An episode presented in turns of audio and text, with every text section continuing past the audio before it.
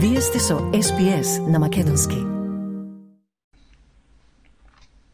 Денеска премиерот Димитар Ковачевски и председателот на собранието Талат Джафери ќе поднесат оставки според одредбите од Законот за техничка предизборна преодна влада.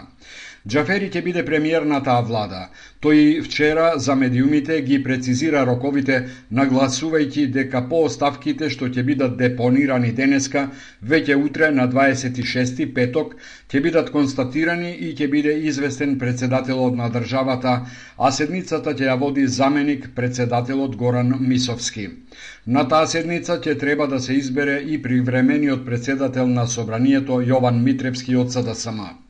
На 27 в сабота мандатарот ќе ја достави предлог програмата и новиот технички владин состав, а на 28 ќе се одржи седницата за избор на техничката влада, што треба да заврши најдоцна до полноќ. Джафери вчера нагласи дека целиот процес ќе биде во согласност со уставот и со законите.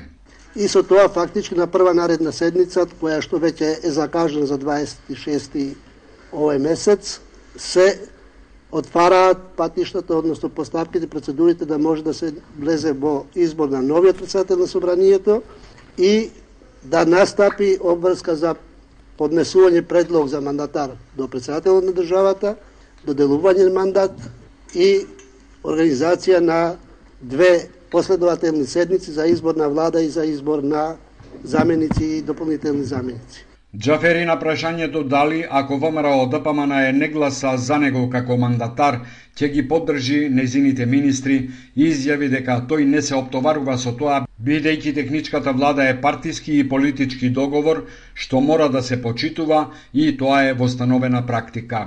ВМРО ДПМН е синоќа ги објави имињата на своите членови во техничката влада за две министерски и три дополнителни заменички позиции. Начело на Министерството за внатрешни работи е предложен Панче Тошковски, долгогодишен познат адвокат. За министер за труд и социјална политика е предложен Ѓоко Велковски, кадар од истото министерство.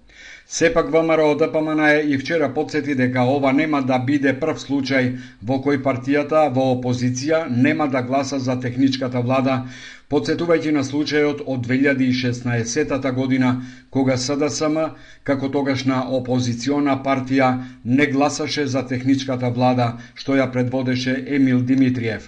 Ели Панова на пресконференција рече. 2016 година владата беше изгласана без за неа да гласаат пратениците од СДС.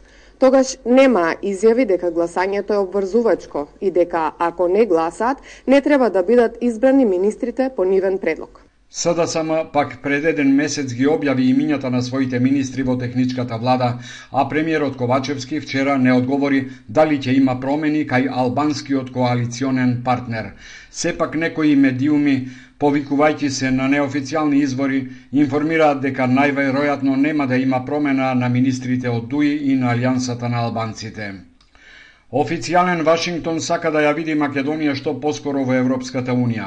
Ова е објавено на официјалниот Facebook профил на премиерот Ковачевски. Ден пред оставката тој објави фотографија од средба со американската амбасадорка Анджела Агелер и најави дека следниот исчекор кон евроинтеграцијата е долго очекуван и меѓународно поддржан како никогаш досега. Тој понатаму пишува Верувам дека овој момент ќе го препознаат проевропските сили во општеството кои ќе застанат во одбрана на визијата за европска држава. За таа визија стои нашиот концепт на европерспективи и осигурена европска иднина наспроти концептот на неизвестност и изолација, завршен цитат. Министерката за одбрана Славјанка Петровска вчера пред медиумите изјави дека процесот на интеграција бара поголема жртва, но дека уставните измени треба да поминат. Петровска промената на уставот не ја гледа како бугарски диктат, туку како волја за европска иднина на земјата.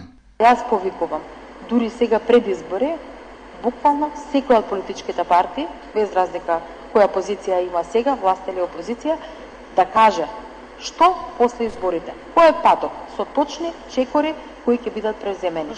Затоа што знаете како времето на долги големи политички говори, кога зборувате многу, а кажувате малку или воопшто ништо, е одамна поминато. Завчера ВМРО ДПМН е, откако беше индиректно прозвана од високиот американски дипломат Джеймс О'Брајан да ги каже своите планови за ЕУ, најави прецизни решенија со Бугарија кои ќе ги објави во незината предизборна програма. Вчера на власта и упати писмена забелешка во која се вели. Тоа што СДСМ го нарекува европско напредување во ЕУ се смета за тонење. Македонија е најсиромашната и најкорумпираната земја во Европа. Со ДУИ и СДС на власт европска иднина нема. Никогаш не било полошо и затоа важно е да ги победиме, завршен цитат. Агенцијата за цивилно воздухопловство утврди сериозни прекршувања на процедурата за обезбедување во македонската навигација МАНАВ. Во наредниот надзор на агенцијата по инцидентот што се случи на 4 јануари, кога беа нападнати вработени во самата контролна кула, покажува дека процедурата за безбедност во МАНАВ е добра, но некој своеволно си зел за право да не ја почитува. За утврдената одговорност изречени се санкции кон повеќе лица и една фирма. Директорот на агенцијата Томислав Тунтев за ТВ Сител рече дека, иако инцидентот можел да предизвика сериозни безбедносни последици, присебноста и искуството на вработените спречиле загрозување на безбедноста на македонското небо не постојат никакви последици по безбедноста. Значи не постои пријава за настан, не постои инцидент, не постои сериозен инцидент, или не дај Боже несреќа, што значи дека заради присебноста, искуството, стручноста, подготвеноста на персоналот во МНФ во ниту еден момент, ниту еден воздухоплов, без оглед дали е на земја или на воздух, не останал без стандардна услуга добиена, навигацијска услуга добиена од надлежната служба за контрола на летање. За да се спречат идни вакви инциденти, агенцијата подготви 11 мерки. За упадот во МАНАФ, основното јавно обвинителство Скопје отвори истражна постапка против 8 лица за загрозување на безбедноста на воздушниот сообраќај. Едно лице е во притвор, а останатите седуммина добија куќен притвор. Министерството за одбрана ќе набави хеликоптери Агуста Вестланд 149 и 159. Понудата од италијанската компанија Леонардо е прифатена како најповолна. На вториот ден од годишната конференција Година на европските можности во организација на владата, на оваа тема министерката за одбрана Славјанка Петровска изјави. Во наредниот период, комисијата која ќе биде формирана во Министерството ќе има за задача да ги продолжи преговорите со оваа компанија и се надевам успешно да, из, да, да извести повратно за завршување на тие преговори, пошто согласно правилата ќе можеме да склучиме и таков договор. Очекувам испораката да, на тие хеликоптери, што е особено важно и значајно, да биде во рамките на предвидениот рок, а тоа е за две години, најдоцна две години од денот на подпишување на договорот.